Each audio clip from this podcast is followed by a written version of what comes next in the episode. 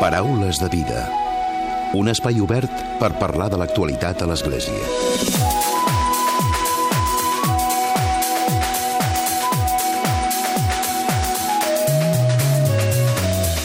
Què tal? Salutacions i molt bon dia, molt bon diumenge. Aquesta passada setmana la Fundació Pere Tarrés ha presentat el seu projecte de colònies i casals socials per aquest estiu. La campanya Cap Infant sense colònies té el repte d'incrementar en guany un 12% el nombre de casals i colònies d'estiu. Com ja hem parlat en d'altres ocasions, al programa la Fundació Pere Tarrés treballa per evitar que l'accés a l'educació en el lleure sigui un factor més d'exclusió social i les xifres avalen la feina que fan per acabar amb aquesta situació. En els darrers estius s'han becat 17.200 infants. Entre els anys 2010 i 2016 s'ha incrementat un 345% el nombre de beques concedides. Durant la presentació de la campanya solidària per becar colònies i casals d'estiu, els responsables de la Fundació Pere Tarrés han volgut destacar que un dels objectius és també sensibilitzar la població de la importància de l'educació en el lleure, una qüestió que no es pot convertir, diuen, en factor d'exclusió social. La campanya té per lema Dona la volta al seu estiu i es farà també a través de les xarxes socials. De seguida en parlem amb l'Albert Riu, que és el secretari tècnic del Moviment de Centres d'Esplai Cristians Catalans.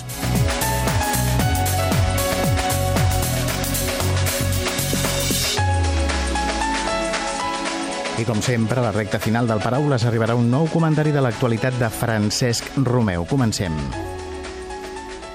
I donem la benvinguda a l'Albert Riu. Bon dia i benvingut. Bon dia. De fet, no és la primera vegada que vens al Paraules de Vida, ja has vingut en més d'una ocasió per parlar precisament de les, les colònies d'estiu, oi? Sí, sí, eh, encara estem a l'abril, tancant ja l'abril, però, però sí que eh, un any més ens disposem doncs, a, a fer possible aquest repte que és eh, garantir que l'estiu serà també un moment um, educatiu, un moment enriquidor per tots els infants i també especialment per aquells que segurament no poden plantejar-se un estiu com molts de nosaltres ens el plantegem, que és trobar un espai per les vacances familiars, un espai per la relaxació, un espai per, per desinhibir-nos i pensar en aquests infants que necessiten um, alguna activitat enriquidora per, per, poder gaudir del seu estiu també. Uh -huh. De fet, com deies, estem al mes d'abril, ara heu fet la presentació oficial i a partir d'ara el que demaneu són també els suports, no? la solidaritat de la gent. Uh -huh. Nosaltres aquesta campanya, com bé deies a la presentació, eh, ens la plantegem amb tres grans reptes i tres grans, eh, tres grans ambicions. Una que és sensibilitzar ens preocupa encara la situació avui eh, que, que, que viuen molts infants a Catalunya i moltes famílies, però no només sensibilitzar sobre aquests infants, sinó sensibilitzar que l'educació en el lleure és bona. La notícia el dia 25 de juliol serà que marxarem 26.500 infants dels quals haurem de becar 4.500, però que malgrat tot aquests 20, més de 20.000, gairebé 30.000 infants gaudeixen de l'estiu, gaudeixen de les vacances i ho fan d'una manera enriquidora, ho fan d'una manera uh, plena, etc. No? I per tant, sensibilitzar la importància a la societat d'això, hem conquerit molts drets socials i segurament aquest del lleure educatiu no l'hem acabat de conquerir. Un segon objectiu és mm, fer-ho possible i, i, per tant, aquesta campanya la plantegem per articular tot un conjunt d'accions eh, logístiques, d'inscripcions, de beques, de trobar diners, d'adjudicar-los, etc per, per poder fer-ho i ens plantegem fer-ho millor, és a dir, volem incrementar amb intensitat educativa, volem avançar en algun territori més, etc. I l'últim objectiu, molt lligat amb aquesta sensibilització, és mm, poder fer una captació, una crida a la ciutadania a través través de les xarxes socials, a través dels mitjans com vosaltres, per mm, disposar dels recursos econòmics, però també, insisteixo, i tornant a l'inici, per ajudar a aquesta sensibilització de la importància de l'educació en el lleure. Mm. Importància de l'educació en el lleure, que no sé si, si moltes vegades quan a una família arriba una situació de crisi, de vulnerabilitat, el primer que es prescindeix és d'això, de tot allò que diguis, això en podem passar i potser és quan entra la importància de, de les colònies i dels casals, no? Del uh -huh. que això representa per un infant. Esclar, i, i nosaltres sobretot ens trobem amb dos grans perfils de, de destinataris o d'usuaris d'aquesta campanya. Eh, uns perfils doncs, que segurament eh, viuen en entorns més vulnerables on hi ha fins i tot una situació de desestructuració familiar i que per tant són infants que durant tot l'any estan acompanyats pels serveis socials i que tenen un seguiment i després hi ha unes altres famílies que mm, segurament doncs, han, mm, pertanyen a la classe mitjana o a aquesta anomenada classe mitjana i que cada cop es va rebaixant una mica més. I aquestes sí que són algunes famílies que segurament opten per no prioritzar mm, segurament aquesta educació en el lleure. I creiem que en aquesta campanya Cap infant sense colònies eh, donem la volta a les dues realitats i cada una amb lògiques segurament diferents però que en el fons eh, aconseguim o contribuïm a fer possible donar la volta en aquestes dues realitats. Després al final parlarem concretament de com és la campanya a les xarxes socials però abans us heu fixat una xifra, el 12% d'increment dels infants becats. Uh -huh. mm, creiem que hem de donar resposta a aquesta necessitat i per tant albirem i preveiem, és alhora un objectiu, alhora una, una previsió. No? Mm, l'any passat vam fer-ho amb 4.036 infants, això suposa eh, 9.946 beques activitats, és a dir, que estem parlant d'unes quantitats importants, i aquest any veiem que hem d'avançar i fer-ho possible amb 4.500 infants, que després podran ser doncs, unes 10.000 activitats becades, perquè cada un d'ells pot fer més d'una setmana de casal o pot fer més d'una tanda de colònies si s'escau. Uh -huh. També voleu ampliar el territori. Uh -huh. On arriben aquestes ajudes, aquestes beques? Mm, realment tenim una mm, presència territorial notable i aquesta presència territorial l'aconseguim gràcies als centres d'esplai. Mm, molts d'ells estan a gairebé tot el territori i, per tant, eh, és gràcies a ells, sobretot, els que aconseguim aquesta gran presència territorial. L'àrea de Barcelona sí que és una àrea que, des de la pròpia fundació, intervenim doncs, directament organitzant activitats, però amb els centres d'esplai és el que ens dona capilaritat a tot el territori. I aquest any una de les novetats que, que tenim és que des de la Fundació hem acollit a 17 centres d'esplai a les Illes Balears, a Mallorca, i per tant també volem avançar cap a aquest territori i oferir-los també a aquests centres doncs, la possibilitat de que comptin amb l'ajuda de la Fundació per becar infants si mm. ho necessiten. A la portada parlàvem de que en, en només 6 anys, segons les xifres que ens aporteu, s'han incrementat un 345% el, el nombre de beques. Mm. És una xifra molt, molt elevada, no? Són els anys que, ha, que han colpit més la crisi i són els anys que, en certa manera, doncs, la Fundació també ha orientat la seva missió a fer possible això. Aquest any estem de celebració, estem de 60 anys de la constitució de la Fundació i, de fet, el, el naixement de la mateixa era portar els infants de colònies, els infants que ho necessitaven, no? I, en certa manera, alguns ha fet notar aquesta ironia que 60 anys després eh, hem, forçadament hem tornat a recuperar els orígens, no? I, per tant, eh, té aquesta perversitat que fa uns quants anys estàvem donant llet americana als infants a colònies perquè realment tenien problemes de, de, de, de, de nutrició i ara doncs, estem plantejant-nos que, que infants hagin d'anar de colònies doncs, també per, per garantir no només aquestes qüestions més d'hàbits i, de, i de salut, però sí també de, de lleure i sobretot educatiu. Tot i que sempre la Fundació el que ha demostrat és precisament l'adaptació als temps, no? Uh -huh. Han vingut anys complicats i a partir d'aquí heu començat a, a uh mhm. -huh. treballar per, poder arribar a tot arreu, no? Sí, és, és segurament el nostre paper i el que, en certa manera, sentim que és la nostra obligació, no? Donar resposta a les necessitats que la nostra societat reclame des d'un punt de vista educatiu, des d'un punt de vista d'acció social i des d'un punt de vista, com diu la nostra missió de promoció de la persona, especialment als infants, no?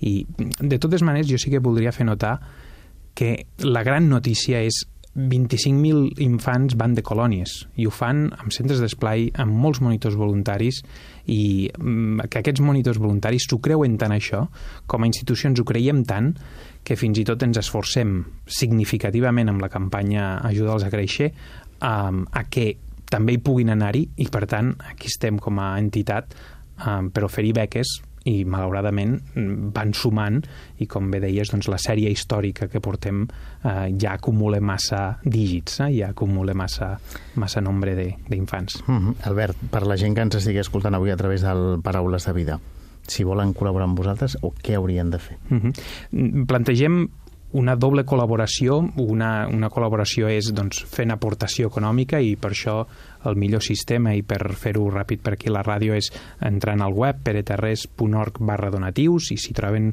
el nostre telèfon a la xarxa, el 93 430 1606, doncs poden trucar-nos i, i fer l'aportació al nostre, el, el donatiu a la, a la campanya. I després aquesta qüestió de sensibilització, si voleu simpàtica, a través de les xarxes socials... El dona la volta, no? Sí, sí, sí. Suggerim aquest any... Eh, ens va passar una qüestió molt senzilla. Mentre fèiem... Com, quin eslògan, com, com aquest any ho plantegem, vam veure una foto molt simpàtica d'una nena que estava mm, fent el pi, per dir-ho manera, de cap per avall, i ens va inspirar a dir, bueno, en certa manera, donem la volta a l'estiu a aquests infants que segurament estarien a casa, que segurament s'haurien de quedar doncs, al seu barri o ciutat i en canvi oferim aquesta possibilitat d'anar de colònies. Uh -huh. I demaneu la complicitat de la gent, no? També I demanem comparteixin... la complicitat de la gent perquè doncs, aquesta mateixa foto que aquesta nena il·lustra la nostra campanya doncs, la puguin compartir a les xarxes socials i amb l'etiqueta corresponent donar la volta doncs, puguin, eh, puguin també sumar-se en certa manera i fer ressò. No? I que de fet és exacte, no? fer ressò i fer difusió de, Correcte. de la campanya. Uh -huh. Doncs Albert, Albert Riu, ell és el secretari tècnic del Moviment de Centres d'Esplai Cristians Catalans, que vagi molt bé, molta sort amb aquesta nova campanya, que de ben segur que podreu arribar allà on, on us marqueu el, per poder becar a, tot, a, a tots aquells infants que, que ho necessiten i fins aviat. Moltes gràcies. Paraules de vida. Un espai obert per parlar de l'actualitat a l'Església. I tot seguit arriba el comentari de l'actualitat de Francesc Romeu. Francesc, molt bon dia. Molt bon dia a tothom. Demà, dilluns 1 de maig, és un dia festiu. I és amb motiu d'una diada internacional, la Festa del Treball. Per aquesta raó i com cada any, les delegacions diocesanes de Pastoral Obrera de les diòcesis catalanes han fet públic un manifest en el que denuncien ben clarament la situació en la que viuen moltes persones i afirmen amb contundència tot dient les condicions laborals que patim els treballadors i treballadores estan matant la nostra dignitat. Cada vegada més estem perdent drets. La situació d'atur va baixant, però la precarització creix exponencialment. Tenim un nombre insostenible de persones excloses a la nostra societat persones refugiades i o migrades, persones en privació de llibertat, persones amb diversitat funcional, persones que pateixen addiccions, persones en situació d'atur indefinit, treballadors i treballadores pobres, dones amb una forta desigualtat laboral i social, una pobresa amb rostre femení, especialment de mares amb fills i filles, joves amb dificultats laborals i amb futur incert. En coneixem i en coneixem a molts, podem posar-los noms i rostre. No cal estendre'ns molt més. Aquestes dures afirmacions que hem escoltat estan en la línia del que també denuncia molt clarament el papa francès, quan en la seva exhortació pastoral La joia de l'Evangeli diu així com el manament de no matar posa un límit clar per assegurar el valor de la vida humana, avui hem de dir no a una economia de l'exclusió i la desigualtat. Aquesta economia mata, diu el papa. Recordem que les delegacions de Pastoral Obrera engloben en el seu sí els moviments i col·lectius obrers cristians de Catalunya i Balears, com són l'ACO, l'AOAC, la JOC i el MIJAC, capellans obrers i religiosos i religioses en barris obrers i populars. Aquests col·lectius són els que diuen que com a cristians sentim la crida que ens fan les generacions futures i la nostra casa comuna, que és tot el planeta. Aquesta crida ens porta a deixar de ser passius i insensibles davant de les qüestions que ens afecten a tots, entre les quals hi ha el dret al treball, però no qualsevol treball, sinó un treball decent per tothom. El papa Francesc ho posa en relleu quan diu, en la seva encíclica Lloat sigueu, el treball és una necessitat, sorgeix del sentit de la vida en aquesta terra, camí de maduració, de desenvolupament humà i de realització personal. Una manera de generar els canvis necessaris és la nostra lluita. Calen propostes, petites o grans accions, que ens comprometin i impliquin per assolir la societat que volem, justa i solidària. Per construir-la és necessari el nostre compromís polític, econòmic, social i eclesial. La darrera part d'aquest manifest està dedicat a les propostes, entre les quals podem trobar algunes com aquestes. Cal lluitar per una justícia social. No volem tenir persones de segona categoria.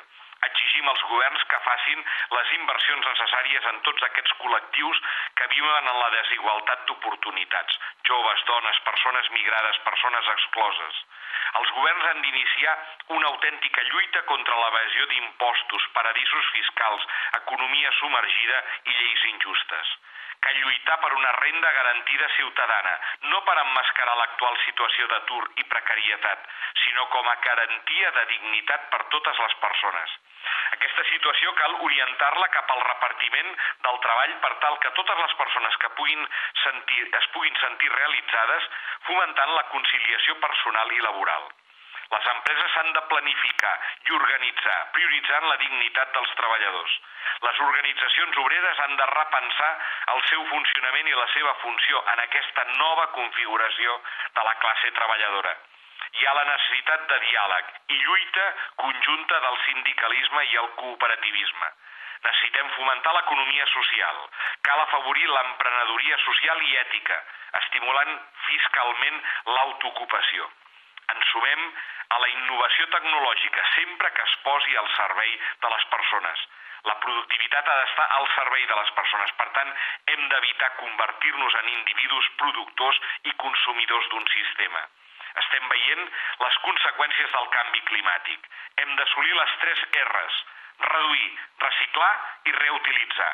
Ho hem de fer nosaltres i ho hem d'exigir als governs. Molt bon diumenge a tothom.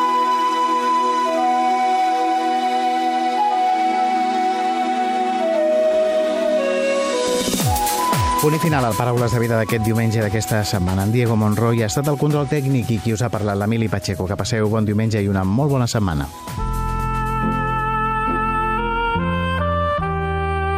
Us oferim la carta dominical de l'arcabisbe de Barcelona, Joan Josep Omella.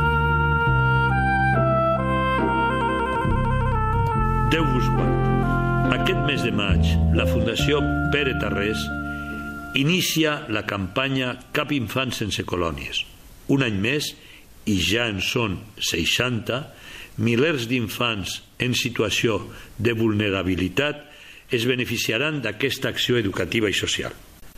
Em sembla necessari posar en valor aquesta obra diocesana i la feina de moltes parròquies i institucions que treballen perquè l'estiu sigui un temps d'esbarrejó i descans, però també un temps educatiu, sobretot a través de les colònies, els campaments i els casals per als infants, adolescents i joves que organitzen tants esplais i agrupaments. Tot i que les dades macroeconòmiques indiquen una millora de l'economia, aquesta encara no arriba a les famílies que pitjor ho estan passant. Potser no som encara prou conscients del fet que a Catalunya un de cada quatre infants viu per sota del llindar de la pobresa i les activitats de lleure són de les primeres que les famílies amb menys recursos no es poden permetre. A l'estiu, la xarxa que protegeix aquests infants durant el curs disminueix i la seva situació s'agreuja. Els infants estan més temps a casa o sols i es produeixen canvis en la relació amb els seus referents i l'axitud en els hàbits i les normes. Per afavorir que un bon nombre d'aquests nens i nenes puguin anar de colònies o a un casal d'estiu, la Fundació Pere Tarrés posa en marxa aquesta companya que permetrà becar més de 4.000 infants per un import proper al milió d'euros. Durant l'estiu es preveu que 20.000 infants i joves participin en més de 400 colònies i casals, dinamitzats per uns 4.000 monitors, la major part dels quals amb una implicació voluntària. Davant d'això, l'esforç de la Fundació i d'altres institucions públiques o privades està orientat a garantir l'accés al lleure d'aquests infants i joves a fi que, en un entorn tranquil i estructurat, es relacionin amb altres infants i joves de la mateixa edat. És una bona manera d'ajudar-los en el seu desenvolupament integral com a persones. En els darrers anys s'ha constatat que les peticions de beques han tingut un increment del 344%. Per aquest estiu, la campanya de la Fundació Pere Tarrés es proposa tres punts clau. Sensibilitzar sobre la transcendència de l'educació en el lleure. Mobilitzar recursos i destinar-los a la realització d'aquestes activitats. Em plau destacar que es fa un treball en xarxa amb altres entitats com parròquies, serveis socials, escoles, càritas i els mateixos centres oberts o centres de desplai. L'assignació de beques es fa seguint un procediment molt realista que examina la situació socioeconòmica de cada infant per assignar-li l'ajut i l'activitat més adient. Els beneficiaris directes són els infants que reben les beques, però indirectament també se'n beneficien les famílies. Les activitats d'educació en el lleure tenen uns beneficis que van més enllà de jugar i passar-s'ho bé. Treballen valors, emocions i dimensions com l'espiritualitat i la sociabilitat. Gràcies a l'educació en el lleure s'aconsegueix educar més enllà de les parets de l'escola. És una forma efectiva de facilitar l'adquisició de valors i competències i de donar als infants l'oportunitat d'acostar-se a Jesucrist. Gràcies també a tots els que feu possible aquest treball i gràcies a tots els que envieu els vostres fills a participar d'aquesta dimensió educativa per a l'estiu. Que Déu us beneixi a tots. Us hem ofert la carta dominical de l'arcabisbe de Barcelona, Joan Josep Omella.